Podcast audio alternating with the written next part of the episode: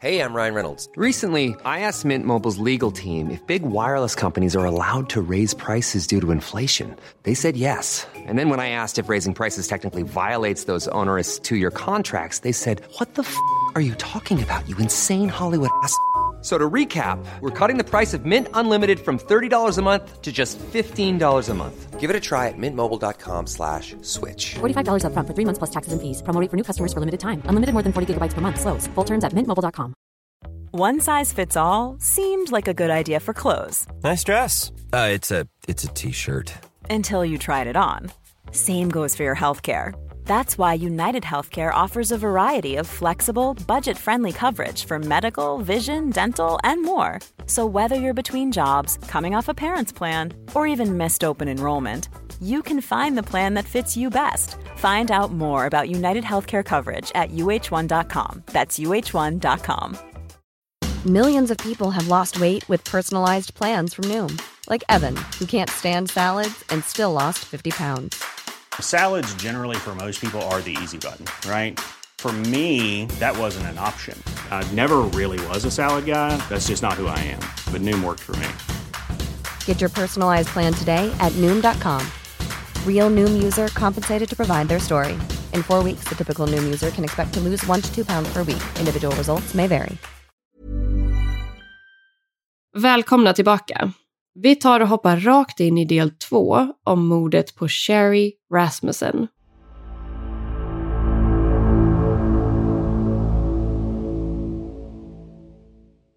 Som man givetvis kan förstå så ska Sherry ha uppfattat Stephanie Lazarus beteende som irriterande, respektlöst och till viss del även hotande och skrämmande. Hon ska vid flera tillfällen ha sagt åt John att han verkligen behövde sätta ner foten och visa att det inte var okej. Den gången när Stephanie hade dykt upp med ett par skidor vid parets bostad till exempel, så ska John ha gått med på att hjälpa henne att vaxa skidorna snarare än att säga att han inte hade tid eller be henne att gå därifrån. Sherry ska inte ha varit glad över den här situationen, men John ska gång på gång ha försäkrat henne om att de bara var vänner och att det bästa hon kunde göra var att ignorera Stephanie tills hon tröttnade och gick vidare. Gällande otroheten och faktumet att John och Stephanie hade haft sex en sista gång under tiden som John och Sherry var förlovade, så är det lite otydligt exakt hur och när Sherry fick reda på den här informationen. Vissa källor uppger att John självmant erkände att det hade hänt och bad om ursäkt. Medan andra källor uppger att Sherry fick reda på otroheten via Stephanie eller någon annan och därefter konfronterade John som till slut erkände. Men oavsett vad så ska hon i alla fall ha valt att förlåta honom och gå vidare med bröllopet som alltså ägde rum i november 1985. Bara några månader innan Sherry sen blev mördad. Trots att John och Sherry pratade mycket om Stephanies beteende så verkar det på vissa sätt som att Sherry nästan ska ha delat med sig ännu mer om situationen till sin pappa Nels. Framförallt kring sin oro och hur pass obehagligt hon upplevde att det var. För den personen som verkligen pushade för att polisen skulle utreda Stephanie Lazarus, det var just Nels. Han ska ganska direkt efter mordet ha delat med sig av all information han hade gällande Stephanies trakasserier och att Sherry ska ha känt sig förföljd av den här kvinnan. Den ansvarige utredaren Lyle Mayer ska ha tagit emot informationen, men han ska däremot inte ha varit särskilt intresserad av att höra Nels historier om Johns gamla flört från universitetet. Och John själv ska ha intygat till polisen att han inte alls upplevde att det hade funnits ett allvarligt hot från någon av hans tidigare partners. Det finns tankar om att en av de huvudsakliga anledningarna till att polisen inte följde upp det här spåret var eftersom att alla avdelningar inom LAPD hade alldeles för mycket att göra vid den här tidpunkten. De hade helt enkelt fullt upp med att försöka få stopp på det gäng och drogrelaterade våld som spred sig som en löpeld runt om i Los Angeles under slutet av 80-talet och början av 90-talet. Många tror därför att polisen själva kanske insåg att inbrottsteorin inte var helt perfekt och att det fanns vissa oklara detaljer. Men att brottsplatsen ändå pekade tillräckligt mycket i den riktningen för att en överarbetad utredare skulle tycka att det dög som lösning på fallet. Efter Sherrys död så valde John att säga upp sig från sitt jobb och att lämna Los Angeles bakom sig i ett försök att kunna gå vidare i livet. Han flyttade istället hem till sina föräldrar som bodde i San Diego och han ska också långt senare ha gift om sig med en annan kvinna. Trots att utredare inte följde upp spåret kring Stephanie Lazarus så ska de ha efterlyst de misstänkta inbrottstjuvarna som enligt polisen bar ansvaret för Sherrys död. Familjen Rasmussen gick också ut med att de skulle betala en större belöningssumma för information som skulle kunna leda till ett gripande i fallet. Men det blev dessvärre inga nya genombrott. Polisen fick fler och fler nya ärenden på sitt bord och Sherrys fall svalnade allt mer för varje dag som gick. Hennes föräldrar Nels och Loretta fortsatte ringa upp polisen i Van Nuys med jämna mellanrum för att höra efter om det fanns några nya uppdateringar. Enligt dem själva ska polisen då ha varit ganska ohjälpsamma och ibland rent av otrevliga i sitt bemötande. Ungefär ett år efter Sherrys död så anordnade familjen Rasmussen en presskonferens i syfte att försöka hålla fallet vid liv och med en förhoppning om att nya tips skulle komma in, vilket det tyvärr inte gjorde. Nels ska också ha kontaktat en högt uppsatt person inom LAPD och delat med sig av sina misstankar kring Stephanie Lazarus eventuella inblandning i Sherrys mord. Men inga av hans försök ledde någon vart och vid något tillfälle ska polisen ha sagt till Nels att han kanske skulle ta det lite lugnt och att det verkade som att han hade kollat alldeles för mycket på TV. Ännu mer tid passerade och sen 1989, ungefär tre år efter Sherrys död, så inträffade någonting ganska konstigt.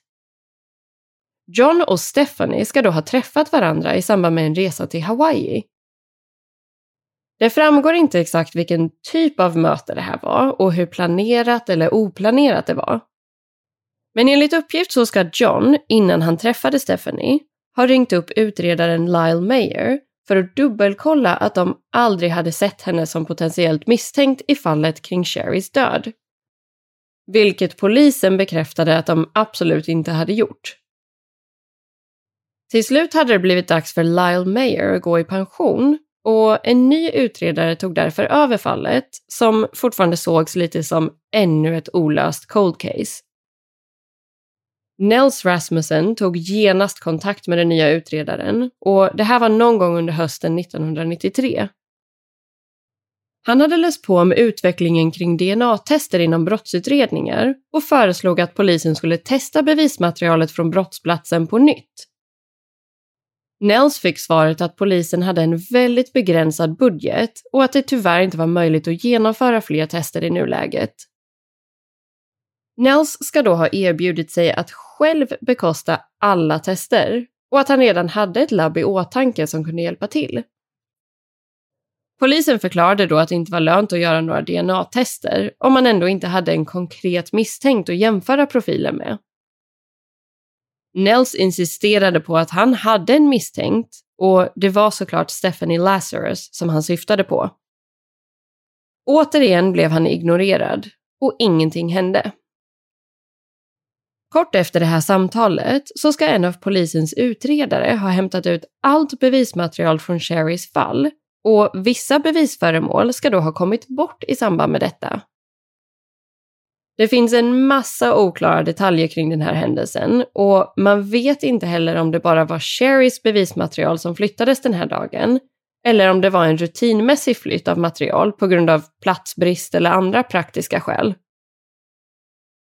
Nu hade det gått ungefär tio år sedan mordet på Sherry och alla lådor med filer och bevismaterial låg och samlade damm hos polisen. Vid det här laget hade Stephanie Lazarus hunnit gifta sig med en kollega som också arbetade inom polisen. Paret adopterade även en dotter tillsammans och eh, Stephanie beskrevs som en väldigt engagerad och kärleksfull förälder. Hon hade också klättrat rakt uppåt i sin karriär och var nu en erfaren och respekterad utredare inom LAPD som bland annat arbetade med konststölder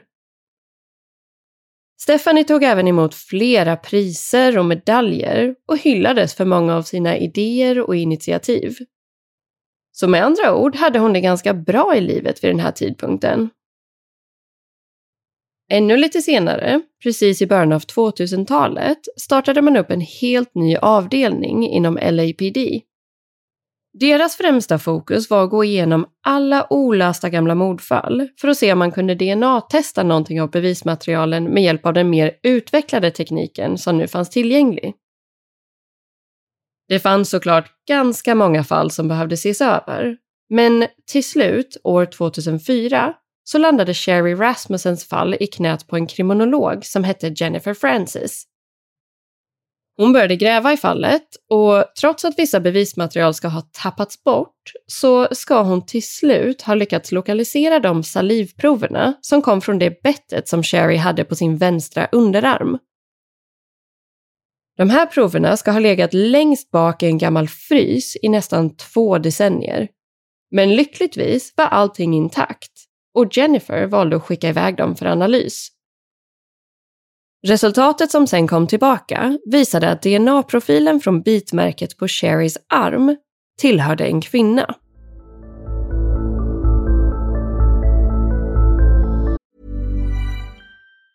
There's never been a faster or easier way to start your weight loss journey than with PlushCare.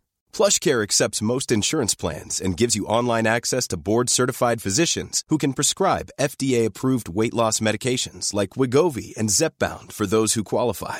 Take charge of your health and speak with a board-certified physician about a weight loss plan that's right for you. Get started today at plushcare.com slash weight loss. That's plushcare.com slash weight loss. plushcare.com slash weight loss. One size fits all seemed like a good idea for clothes Nice dress. Uh, it's a it's a t-shirt. until you tried it on. Same goes for your healthcare. That's why United Healthcare offers a variety of flexible, budget friendly coverage for medical, vision, dental, and more. So, whether you're between jobs, coming off a parent's plan, or even missed open enrollment, you can find the plan that fits you best. Find out more about United Healthcare coverage at uh1.com. That's uh1.com. I'm Sandra, and I'm just the professional your small business was looking for. But you didn't hire me because you didn't use LinkedIn jobs. LinkedIn has professionals you can't find anywhere else, including those who aren't actively looking for a new job but might be open to the perfect role, like me. In a given month, over 70% of LinkedIn users don't visit other leading job sites. So if you're not looking on LinkedIn, you'll miss out on great candidates like Sandra. Start hiring professionals like a professional. Post your free job on linkedin.com/people today.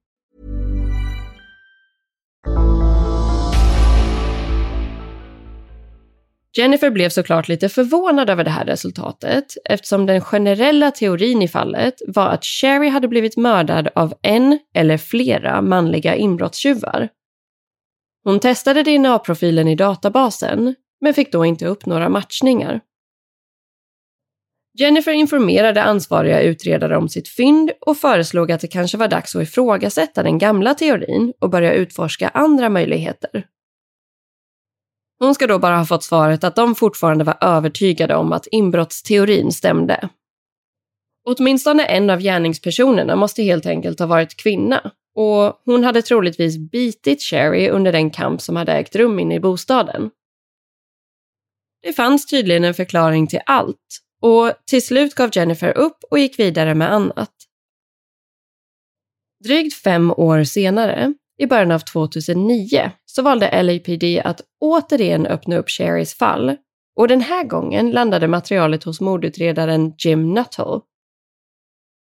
Han började gå igenom varenda detalj som fanns dokumenterad och reagerade då på samma sak som Jennifer Francis hade gjort tidigare.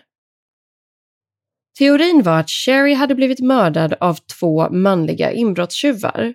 Men DNA-rapporten bekräftade att bitmärket var från en kvinna. Jim tyckte att det hela kändes konstigt och fick sedan hjälp av fler utredare för att gräva vidare i fallet. Och ju mer de läste på om fallet, desto mer insåg de att det här troligtvis inte hade handlat om ett inbrott som ledde till ett mord, utan snarare att det hade varit ett högst personligt och planerat mord och att inbrottet var iscensatt efteråt. De ska sedan ha gått igenom ett helt annat scenario kring hur de trodde att allting hade gått till Och det fanns då flera olika detaljer som stärkte teorin om att brottsplatsen var iscensatt.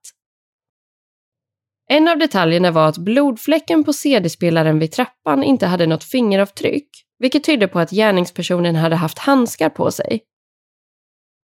Blodet tillhörde dessutom Sherry och man misstänkte därför att CD-spelaren och den andra tekniken hade placerats i en prydlig hög vid trappan efter att hon hade blivit mördad. Något som en panikslagen och stressad inbrottstjuv kanske inte skulle ha ägnat sig åt för att slutligen inte ens ta med sig sakerna därifrån. Den här nya gruppen av utredare började sedan gräva vidare kring vilka kvinnor i Sherrys liv som skulle kunna ses som misstänkta och som eventuellt skulle ha velat skada henne.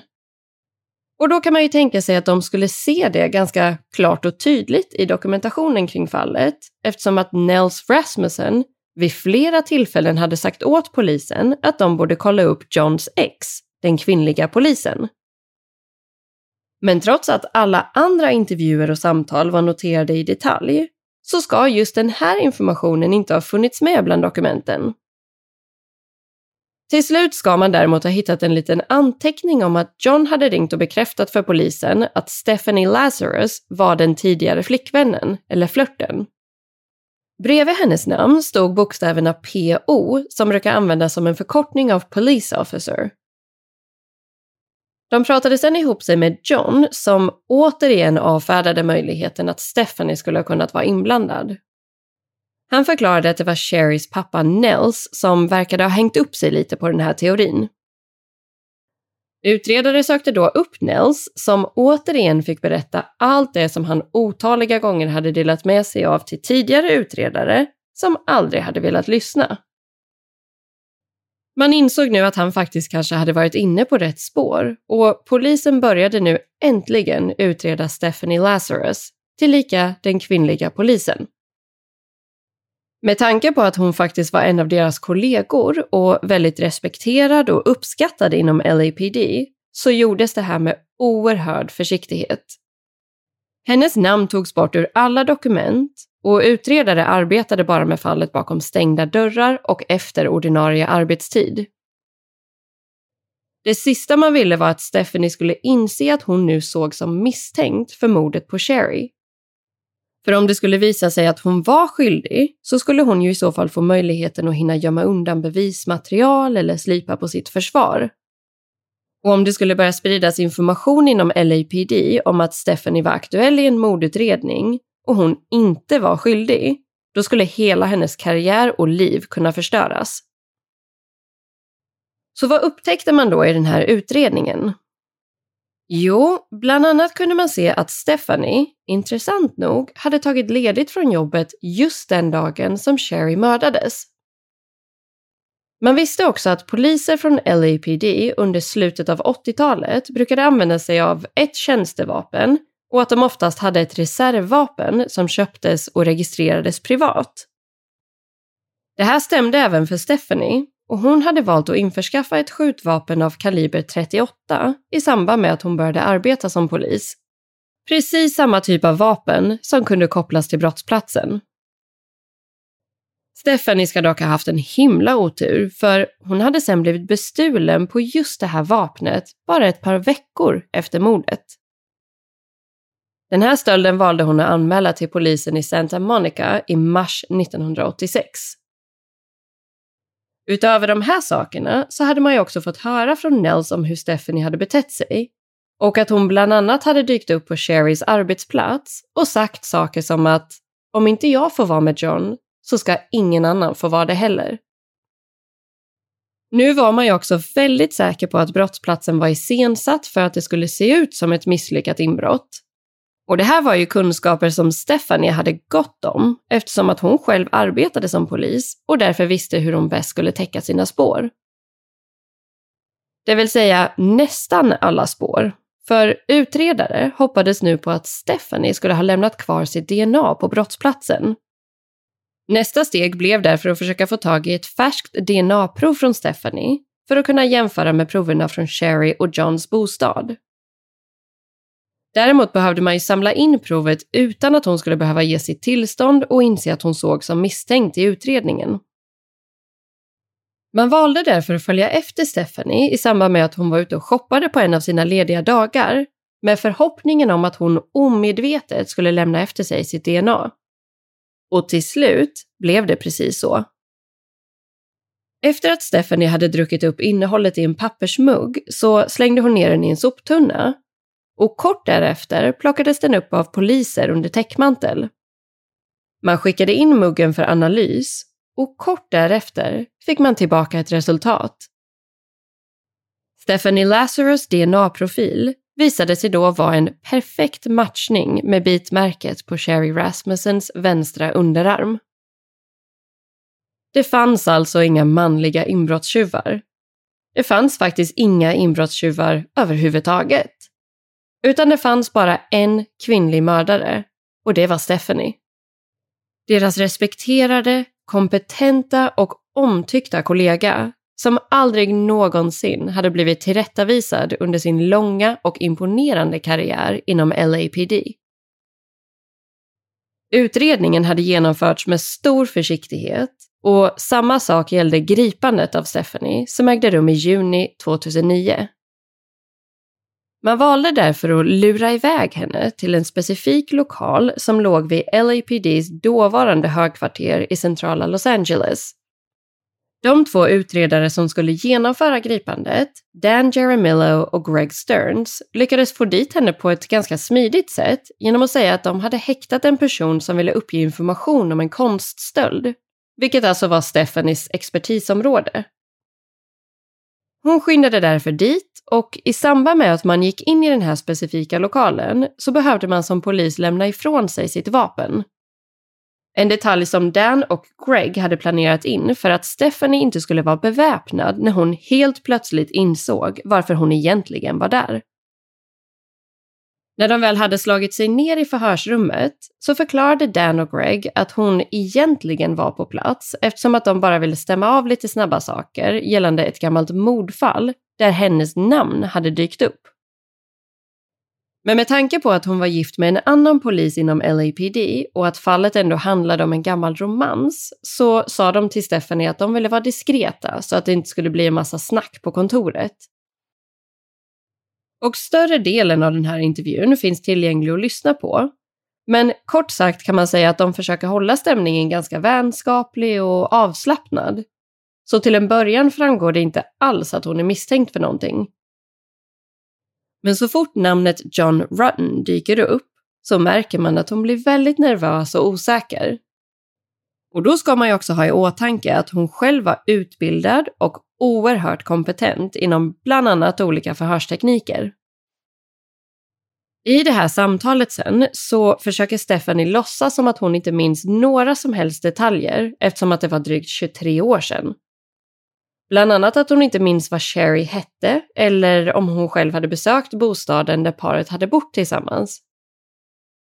Till slut inser hon dock själv att de faktiskt ser henne som misstänkt och blir då väldigt chockad och upprörd över den här anklagelsen och säger att hon kanske måste ta kontakt med en advokat. Och sen avslutas intervjun på ett ganska lugnt och sansat sätt och Stephanie lämnar rummet. Hon ska däremot inte ha hunnit mycket längre ut än till hallen innan hon greps och blev informerad om att hennes DNA fanns på brottsplatsen. Stephanie fängslades sen i väntan på rättegången som inte påbörjades förrän år 2012. Och under den här rättegången så drog hennes försvar i alla trådar de bara kunde för att skapa tvivel hos juryn. Bland annat genom att ifrågasätta förvaringen av DNA-proverna och att spela väldigt mycket på Stefanis karaktär och alla hennes fläckfria år inom polisen. Åklagarsidan däremot hade ju betydligt mer bevisföring på sin sida. Och det finns ett väldigt känt citat från åklagaren Shannon Presby där han sammanfattar alla de sakerna som bevisade att Stephanie låg bakom mordet. Och det löd så här. A bite, a bullet, a gun barrel and a broken heart. That's the evidence that will prove to you that defendant Stephanie Lazarus murdered Sherry Rasmussen. John höll också ett känslosamt vittnesmål under rättegången där han mindes sin tid tillsammans med Sherry och delade med sig av den ånger han kände över att hans egen fru blev mördad på grund av en situation som han till viss del hade orsakat. I slutändan dömdes den då 52-åriga Stephanie för mordet på Sherry och straffet blev livstids fängelse med möjlighet till villkorlig frigivning efter 27 år. Hon sitter än idag fängslad i Kalifornien och hennes juridiska team har vid flera tillfällen och på flera olika sätt försökt överklaga domen. Alla försöken har blivit nekade och i dagsläget ser det inte ut som att Stephanie någonsin kommer släppas på fri fot igen.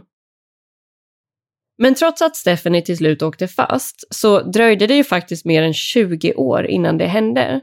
Och därför finns det såklart många som tror att LAPD prioriterade att skydda en av sina egna framför att lösa fallet och ge Sherry och hennes familj den rättvisan som de förtjänade. Det fanns ju dessutom viktig information som saknades bland dokumentationen av fallet och bevismaterial som hade checkats ut, flyttats runt och inte låg på den platsen som de skulle. Och framförallt är ju den stora frågan varför polisen inte bara kollade upp Stephanie Lazarus från allra första början. Både familjen Rasmussen och kriminologen Jennifer Francis, som matchade ihop Stephanies DNA med bitmärket, har försökt att stämma staten och LAPD men det här arbetet har aldrig lett till någonting.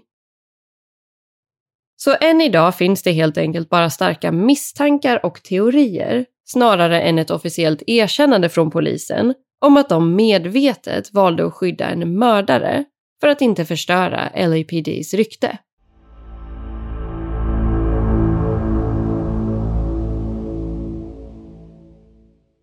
Ja, jag vet inte om ni känner som jag, men man kan ju inte låta bli att undra vad som hade hänt om polisen bara hade kollat upp Stephanie Lazarus direkt efter att Nels Rasmussen hade delat med sig av de här misstankarna. För då hade nog det här fallet blivit löst betydligt tidigare.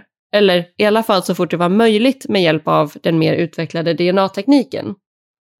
För i slutändan var det ju ändå bitmärket ihop med alla andra aspekter som gjorde att Stephanie blev dömd. Men det finns ju absolut många saker i det här fallet som man fortfarande undrar över och skulle vilja ha lite mer av en förklaring kring. Och framförallt då när det gäller polisens arbete. Och om man själv känner någon form av frustration över det här fallet så kan man ju inte ens tänka sig hur det måste ha varit för Sherrys familj som under alla dessa år var helt övertygade om att Stephanie låg bakom mordet. Och att deras dotter inte fick leva längre, men att Stephanie fick bygga karriär, bilda familj och göra alla de sakerna som Sherry aldrig fick möjligheten till. Men det positiva är ju såklart att hon till slut åkte fast och att familjen Rasmussen fortfarande var vid liv när de fick veta att de hade haft rätt från allra första början. Men med det sagt så har det ju faktiskt blivit dags att runda av för den här veckan. Och tills vi hörs igen så säger jag helt enkelt tusen tack för att just du har valt att lyssna på det här avsnittet av Rysapodden.